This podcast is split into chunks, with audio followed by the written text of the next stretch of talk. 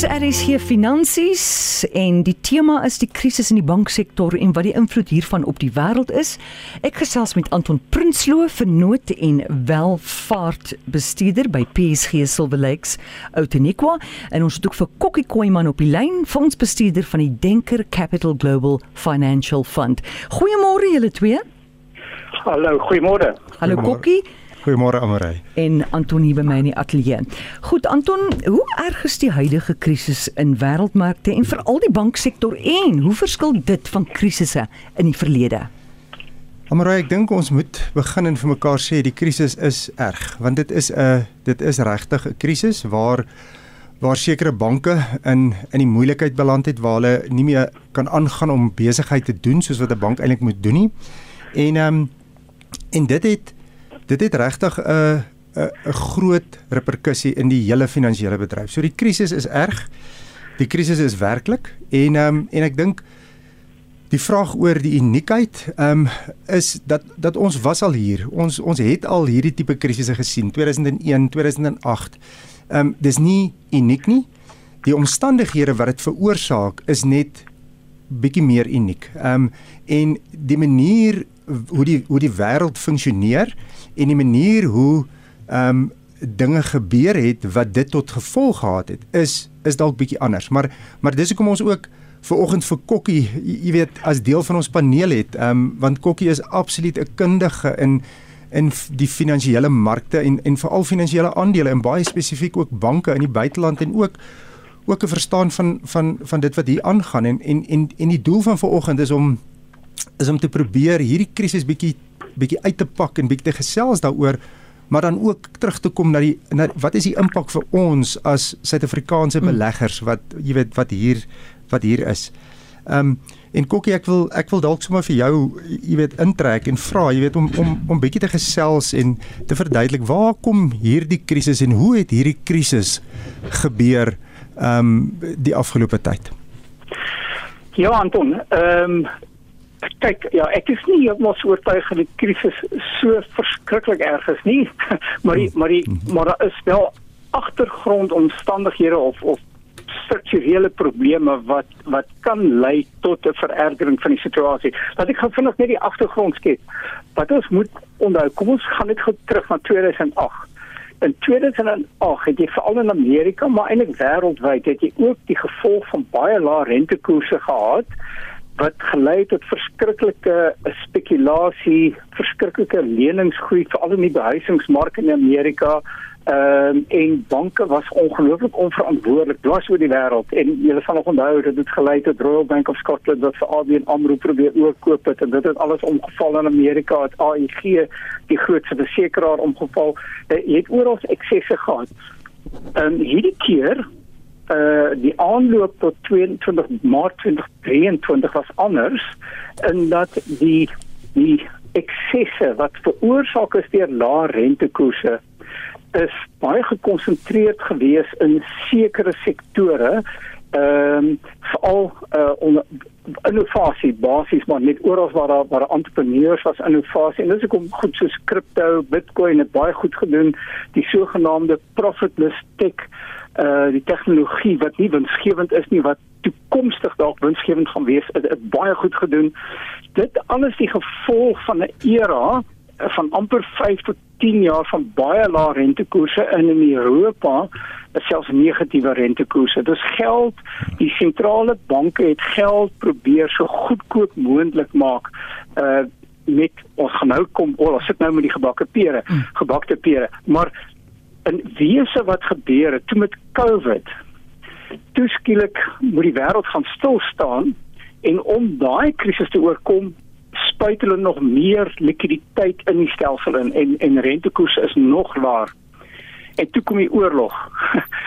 Rusland val Oekraïne binne en skielik ontketen dit eintlik maar eintlik net die vlammetjie aangesteek van inflasie wat al daar was. As jy so lank lae rentekoerse te veel geld het, ehm um, en jy het dan skielik 'n tekort aan arbeid, 'n tekort aan grondstowwe, 'n tekort aan olie, dan begin inflasie en die, die inflasionêre probleme het toe veroorsaak dat sentrale banke rentekoerse baie vinnig moes laat styg en nog steeds So ons het een van die vinnigste stygings van rentekoerse gehad in in baie jare en dit het nou baie mense onkant gevang. Goed. Terug by die banke. So eerstens net ek meen die hoë rentekoerse van die vlakke waar hulle kom is besig om oral waar beleggers onverantwoordelik opgetree het om daai eksesse te vang. Uh Warren Buffett sê altyd you only see who's swimming naked when the tide goes out. Know, daar word baie ouens nou gevang wat nou kaal geswem het en uh nou nie so mooi lyk nie. Uh die eerste een, miskien vergeet julle daarvan, is toe Liz Truss en Kwasi Kwarteng in Engeland met die skielike begroting gekom het waarvan die markte nie gehou het nie rentekoers het verskriklik vinnig daar gespring want hulle gesê hoe gaan die Engelse regering hierdie ding befonds en die pensioenfondsbedryf het amper omgeval uh en die pond die bank van Engeland moes inspring het om die, om die pond te stabiliseer en rentekoerse te stabiliseer. So dit is maar een voorbeeld van hm. pensioenfondse in Engeland wat so swak ehm um, belê was dat die geringste verandering het skielik hulle omkant gevang. In Amerika het jy op die oomblik 'n probleem en ons kan later daarop terugkom is na die sogenaamde commercial real estate. Ehm um, met ander woorde ehm um, eiendomsbeleggings veral in in in die besigheidsbedryf maar maar maar alles wat omdat rentekoerse so laag is, het ouens oor investeer in eiendom. En daai eiendomme baie van hulle in Amerika staan nog steeds leeg, maar hulle het skuld teen hulle. Goed, okay, met dit alles as agtergrond. Hm het hierdie geld wat die wat die sentrale banke geskep het het gevloei na al hierdie eksesse maar ook na banke se balansstate. Die banke het hopeloos te veel deposito's ontvang. Die mense het net nie geweet dat met die geld gemaak te maak nie tydens Covid en so en, en dit net geparkeer by die banke. Die banke het daardie geld belê solank in staatseffekte. En toe nou die hele rentekoersverhogingssiklus kom en verbruikers hier die geld nodig het en besighede die geld nodig het, toe word die geld onttrek. En toe is daar 'n paar banke, spesifiek interessant almal in Silicon Valley waar al die die innovasie plaasgevind het. Daai ouens het skielik meer kapitaal nodig gehad het onttrek by Silicon Valley Bank en skielik moes Silicon Valley Bank van sy beleggings verkoop en hy moes dit toe verkoop teen 'n verlies en toe die paniek gekom want toe beskielik besef beleggers wat by hierdie bank be uh, belê was maar uh, miskien het die bank nie genoeg geld om my deposito's terug te betaal nie. En via Twitter ons gaan nou nou oor hierdie krisis is baie goed wat hier gebeur het wat uniek is of wat die eerste keer is dit ja, waarskynlik weer gaan gebeur nou. Deur Twitter het dit soos 'n veldbrand versprei dat hierdie bank kan dalk nie vir hulle terugbetaal nie. En binne 2 dae het Silicon Valley uh 25% 40 miljard dollar verloor want mense net op hulle wel dit was nie mense nie dit was tesourie tesourie tesourie bestuurders. Uh wat wat die geld onttrek het. So binne 2 dae het hy 25% van sy uh deposito's verloor. Jy sal onthou vroeër uh, van die ouer luisteraars sal nog onthou van van van Sambou en van daarvoor in die 60 Netbank mense het vroeër as daar paniek was oor 'n bank het hulle in die ry gaan staan buite. Hmm. uh fisies om geld te onttrek. Nou doen mense dit oornag.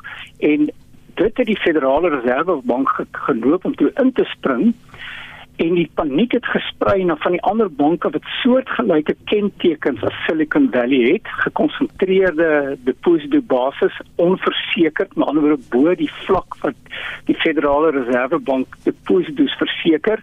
Daai geld het alles net skielik uitgegaan en en, en dit het gelei tot 'n tweede en amper 'n derde en 'n vierde bank wat omgeval het. Maar in die kader van Amerika is daar 4000 banke. So ons praat van 3 banke, dit was al twee groter banke.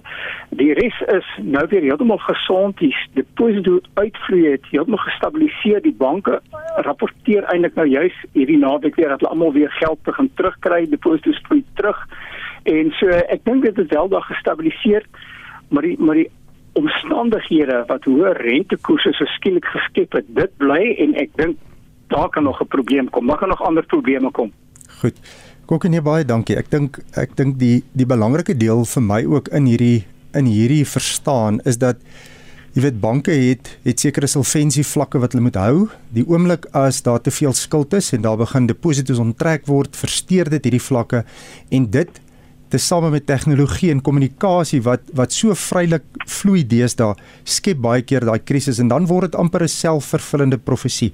En en ek dink dis die belangrike deel in 'n tyd soos hierdie waar daar 'n krisis is om om emosie baie goed te bestuur en nie besluite te maak wat wat wat vir 'n mens sleg kan wees later dood eenvoudig net omdat die nuusvloei so sleg is dat dit vir jou 'n jy, weet 'n vrees bring wat ehm um, wat maak dat jy voel jy moet iets doen nie. Ehm um, en ek dink net jou verduideliking nou het, het het al klaar baie jy weet baie uh, perspektief geskep. Jy weet rondom dit. Ehm um, ek dink vir my is 'n belangrike vraag as 'n mens nou dink aan die krisis wat daar is in die wêreld en nou trek dit bietjie terug na ons eie ons eie land toe. Ek weet in Amerika was die die kwessie oor ehm um, die Obama ehm um, regering wat wetgewing in plek gestel het om juis te beskerm. Um onder Trump het hulle het hulle regulasies bietjie makliker gemaak en dit het ook bygedra tot jy weet tot banke wat eintlik bietjie beroekelose uh, jy weet leenpraktyke het. Hier by ons is kredietregulering baie streng en dit word baie goed toegepas. So een of twee woorde net oor ons eie banksektor en en en hoe gesond dit hier by ons gaan. Ja, nee, ehm um, ek dink nog 'n verskil net onthou Suid-Afrika soos al die ander opkomende markte het nooit dieselfde probleem gehad as die ontwikkelde markte hmm. met lae rentekoerse nie. So rentekoerse is nooit hier so so verlaag en in ander opkomende markte nooit so verlaag dat dit gelei het tot eksessiewe of eksessiewe of onverantwoordelike gedrag nie. Hmm. So eersins hier het ons nie die probleem dat banke te veel deposito's gekry het en uh jy weet dit belê het in in in snaakse goed nie. Hier het ons wel dat ek eers sê die Suid-Afrikaanse banksektor soos jy reg sê word baie goed gereguleer. Die Reservebank doen ongelooflike werk ook daar. Ehm um, in die groter banke, kyk jy het af en toe FBS en sulke goed ook wat wat omval. Ehm um, en weer eens dit is wanneer jy weet uh, die deposante nie hulle huiswerk doen nie by 'n kleiner instelling geld parkeer uh, of deponeer en dan iets fout gaan. Maar kom ons net eers by die groot banke. Daar is een probleem wat wel kommerwekkend is in Suid-Afrika en dit is omdat die groeikoers in Suid-Afrika so laag is en en ons kan selfs in 'n resessie vir jaar kan dit negatief wees. En die banke is daar nie genoeg vraag na investeringskapitaal in Suid-Afrika nie. En dit beteken dat die banke het die ekses wat hulle het, die deposito's wat hulle kry, het hulle ook hier soos die Amerikaanse banke gedoen het in staatseffekte belê.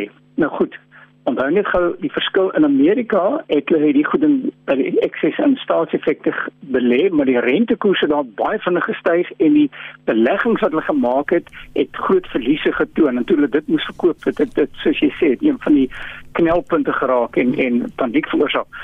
Maar in Suid-Afrika is die probleem meer 'n langer rond. Hmm. En dat dit skep al meer die probleem wat die Reservebank al voorgewaarsku het dat as ons 'n staatsskuldkrisis kry, dat die staat nie meer sy skuld kan betaal nie. Hmm. Of of met na krediteure toe gaan en sê ons moet 'n herskikkingsooreenkoms aangaan soos nou in Zimbabwe gebeur het in Ghana en Egipte. Hmm. Dan is die banksektor skielik ook in die moeilikheid en dit is onderliggend die probleem wat in Suid-Afrika besig is om te gebeur uh omdat die banke nie erns anders eintlik kan belê nie en dit nou maar in die staatssektor belê en die staat se skuldlas word steeds groter en groter. Dit is nie 'n probleem vir vanjaar of volgende ja. jaar nie, maar dit is iets wat ons al meer oor bekommerd is. En op die oomblik lyk dit goed want die staatsskuld betaal vir jou amper 10% rentekoers. Hmm. Wat is 'n goeie belegging is, maar langer termyn is dit in Suid-Afrika die groter probleem. Goed, Anton, dit klink vir my of hoë inflasie, hoë rentekoerse en hoë skuldvlakke nie 'n goeie kombinasie is nie. Nee, maar dit is dit is definitief nie. En ek dink inflasie en en en dis dalk jy weet iets waar ons ook twee woorde moet praat is die hoër inflasie in ons land is amper 'n terugbeweeg na die vlakke waar dit was voor Covid. Ons rentekoerse is ook eintlik maar maar net amper sê terug waar dit was, jy weet, voor Covid. En die dilemma bietjie in die ontwikkelde wêreld in die Amerikas en Europa is dat daai inflasiekoers nog baie hoog is en daarmee nog redelik baie gebeur voor dit, jy weet, voor dit afkom. So op hierdie stadium is ons ehm um, jy weet verwagting dat dat inflasie hier by ons darm redelik vinnig en relatief soos Kokkie ook verwys het as gevolg van ons omstandighede vinniger onder beheer geraak hmm. het as wat as wat hy in die ontwikkelde wêreld sien. En die belangrike kwessie vir enige belegger en enige persoon wat wat leef van hulle geld is om seker te maak dat dat die groei wat jy kry oor tyd darm inflasie klop. Wat beteken jy hou die koopkrag van jou geld? En ehm um, en dis nogal 'n belangrike jy weet saak. En en Kokkie miskien een vraag oor inflasie is is jou verwagting en julle verwagting waarheen gaan inflasie um plaaslik maar ook internasionaal as jy kortliks net daaroor ietsie kan sê. Ja, kyk alles wat in Suid-Afrika gebeur word maar in terme van inflasie en rentekoers in die rand word maar eintlik paal in die buiteland. Hmm. Uh so die inflasie die inflasionêre druk is op sy piek en in Amerika en in Europa aan begin nou vinnig daal soos die oliepryse afgekom het soos voedselpryse uiteindelik begin afkom arbeid is nog is nog 'n probleem. Oh nie 'n probleem nie.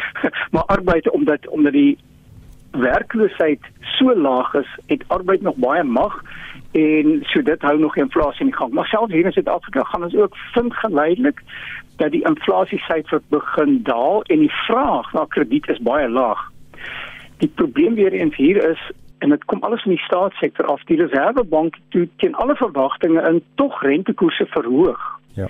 En dit gaan nie oor dit gaan nie eintlik oor om 'n vraag verder af te druk nie. Dit gaan oor om die rand te beskerm teen die wangedrag van ons regering wat wat wat, wat die hele tyd net geld blaas. En en as die reservebank werklik rentekoerse gaan verlaag, gaan die rand baie begin daal omdat beleggers bang is vir die staatsskuld wat wat styg. En so eintlik probeer hulle maar die rand rand beskerm dat inflasie nie te veel van 'n probleem word nie om nou leuke terme te sê. Dus inflasie gaan afkom, maar rentekoerse in Suid-Afrika gaan redelik lank hoog bly. En dit is natuurlik wel vir vir jou beleggers is dit belangrik want jy kry 'n redelike goeie rentekoers inkomste, maar dit beteken ook hoë rentekoerse bring gewoonlik 'n baie lae beurs mee want hmm. aandele word maar afgedruk as rentekoerse hoog is en dis is die aandelebeurs ook baie goedkoop nou en dis nou jou probleem jy het hoë rentekoerse en jy het 'n goedkoop beurs. Hmm. Kokkie dis dis dis heeltemal reg en ek bedoel ek dink terug aan 2014 tot 2020 toe ons rentekoerse ook relatief hoog gebly het en eintlik is die effek daarvan dat jy ook nie heeltemal die ekonomiese groei stimuleer wat jy moet nie en en en as ek jou reg verstaan is dit amper ook iets wat dalk bietjie vir ons kan voorlê mense sit met met markte en met aandelemarkte wat baie goed geprys is maar as rentekoerse daai stukkie te hoog bly beteken dit daar's nie genoeg stimulering wat deurkom nie en ehm um, maar net uit 'n uit 'n ander hoek uit. As 'n mens op hierdie stadium dink dat jy dat jy goeie rente verdien as jy jou geld in die bank belê, is dit is dit verseker so.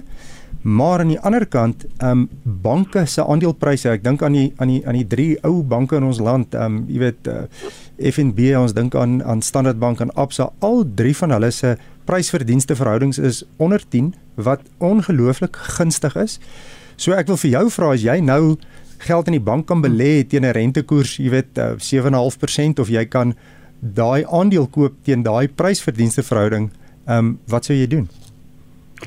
Anton, ag man, dit is gaaf van jou vir my te vra. Ek ek weet jy het ook die antwoord, maar jy wil eintlik hê dat ja. ek dit ook gee. en ek seker jy sê vir jou beleggers, dit hang alles af van jou horison. Hmm. En en jy weet as as jy geld nodig het in die korttermyn, dan moet jy dit belê teen die rentekoers wat jy dit beoomlik kan kry by 'n bank ja, op 'n hm. spaarrekening.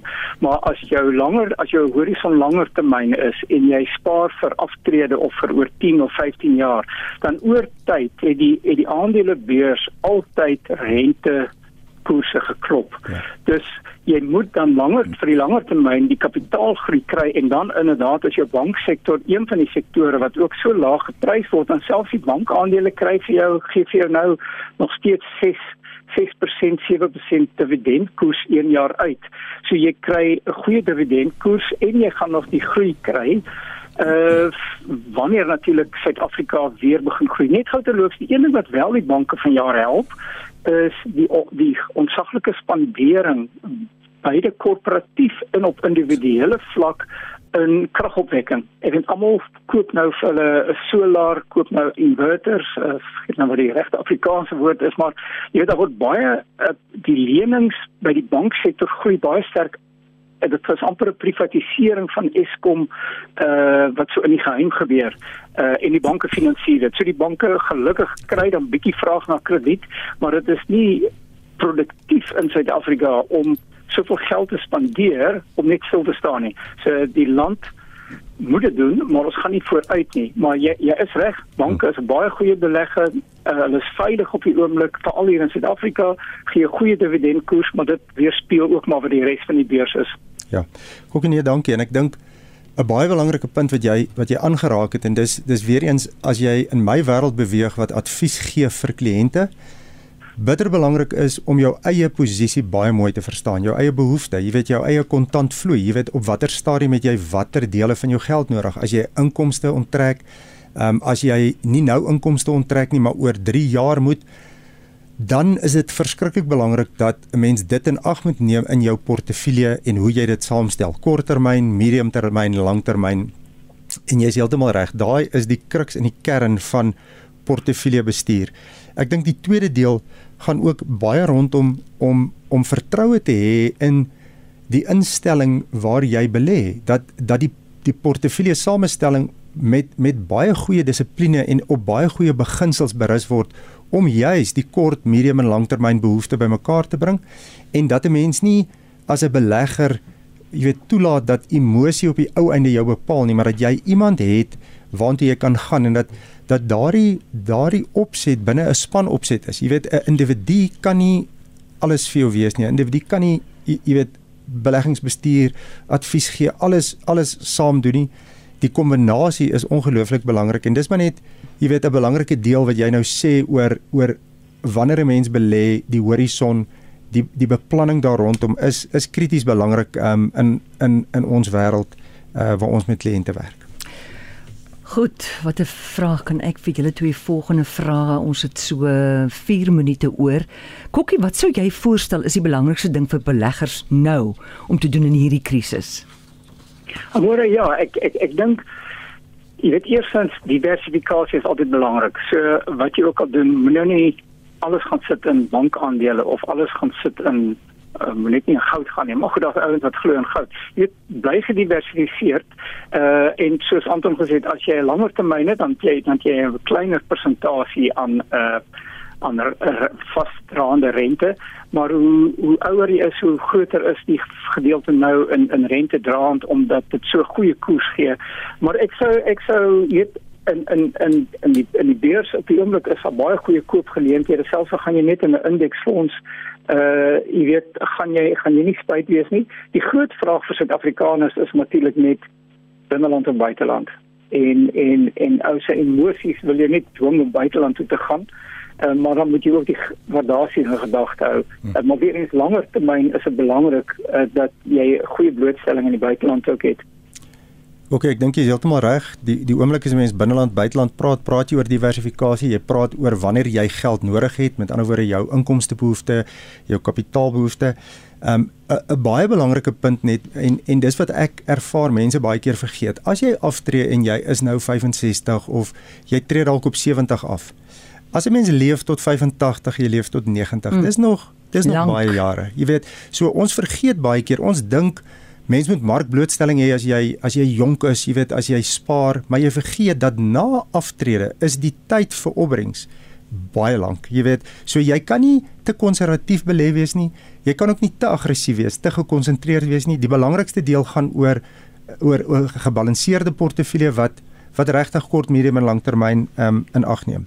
'n Baie belangrike ding, Amorey, is ek kan afsluit met dit gaan rondom die die emosie. Ek ek onthou in 2001 ehm um, het het iemand eendag vir my gesê toe toe was ek nog jonk in hierdie bedryf toe sê die die oom vir my ou seun kan hierdie oom vir jou sê ons aandelebeurs gaan nooit ooit weer groei nie. En van 2002 ah. tot 2007-8 was die beste groei tyd op ons aandelebeurs. Jy, wow. jy weet, as jy van dan af tot nou toe kyk, as jy nie in die mark was nie, het jy ongelooflik uitverloor. So so die belangrike deel gaan nie oor moet ek in die mark wees of moet ek nie? Dit gaan oor watter proporsie. Dit gaan oor hoe stel ek 'n portefeulje saam om my te beskerm op die kort termyn, maar nog steeds seker te wees dat ek myself beskerm teen inflasie en die en die druk wat inflasie op later jare sit, ehm um, deur genoeg groei te kry. En ehm um, en daai proses is 'n geweldige belangrike proses vir enige belegger of jy nou jonk is en of jy in aftrede is of jy voor aftrede is om daai beplanning te doen is krities vir 'n mens se toekoms. Dit is so goed om te hoor. So ons het dis nou RSG finansies en ons het gesels oor die krisis in die banksektor en wat die invloed hiervan op die wêreld is en veral op ons hier in Suid-Afrika ook. Ek het gesels met Anton Prinsloo, vernoot en welvaartbestuurder by PSG Silver Lakes Outeniqua. Anton, waar kan mense jou in die hande kry? My e-posadres is anton.prinsloo by psg.co.za en my selfoonnommer is 082 415 0318. Jy gee by jou selnommer? Is 082 415 0318. En dan ook met Kokkie Koeman, fondsbestuurder van die Denker Capital Global Financial Fund. Kokkie, waar kan mense jou in die hande kry? Ja, ag uh, ek dit is beter as mense my nie in die hande kry nie. hulle kan altyd na Denker toe gaan of as hulle moet 0828895993 maar uh, ja, dankie. Was eintlik 'n baie goeie gesprek en jy het goeie vrae daar gevra om ons aan die gang te hou. Da, dankie vir julle. Nee, dit was baie interessant en ek is seker soveel mense het geleer en Kokkie Koeman is van Denker Capital Global. Baie dankie Anton Prinsloo en Kokkie Koeman.